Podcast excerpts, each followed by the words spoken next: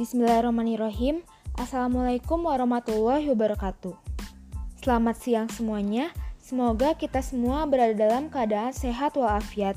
Amin ya robbal alamin. Sebelumnya, izinkan saya untuk memperkenalkan diri terlebih dahulu. Perkenalkan, nama saya Dewi Andriani dengan NIM 1900208 dari kelas PKN 2019A.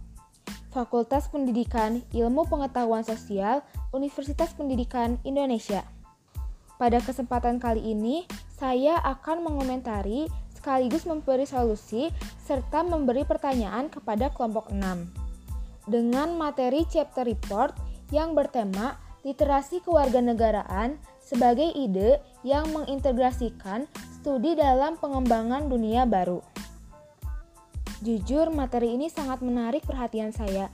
Mengapa demikian? Saya pernah membaca, menurut penelitian, literasi para pelajar, bahkan di kalangan masyarakat Indonesia, sangatlah rendah, dan itu terjadi pada diri saya sendiri. Baik, pertama-tama saya akan mengomentari dari podcast terlebih dahulu ya. Untuk saudara Ramdan, dalam memaparkan materi cukup bagus, baik itu dalam segi suara, intonasi, maupun volume. Gaya berbicara dalam menyampaikan materi juga sangat santai tapi masih enak kok didengarkan dan juga terdengar jelas. Untuk saudari Lutfia, pembawaannya asik dan tidak kaku. Gaya berbicaranya juga seru banget dan dicampur menggunakan bahasa sehari-hari, membuat kita sebagai pendengar mudah untuk dimengerti. Namun ada beberapa intonasi yang mudah, yang kurang jelas dan suaranya sedikit pelan. Entah itu suara dan speakernya terlalu jauh atau entah bagaimana.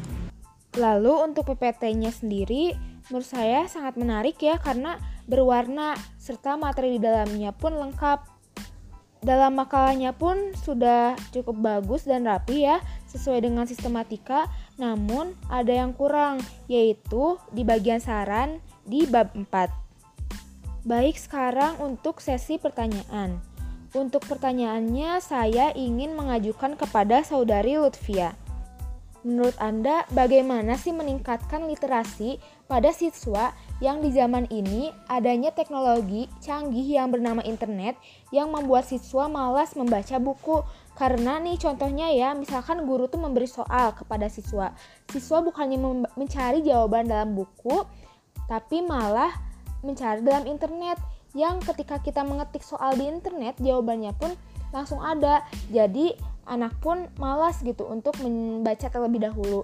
Menurut kalian bagaimana solusinya dan menyikapinya? Terima kasih atas kesempatannya. Wassalamualaikum warahmatullahi wabarakatuh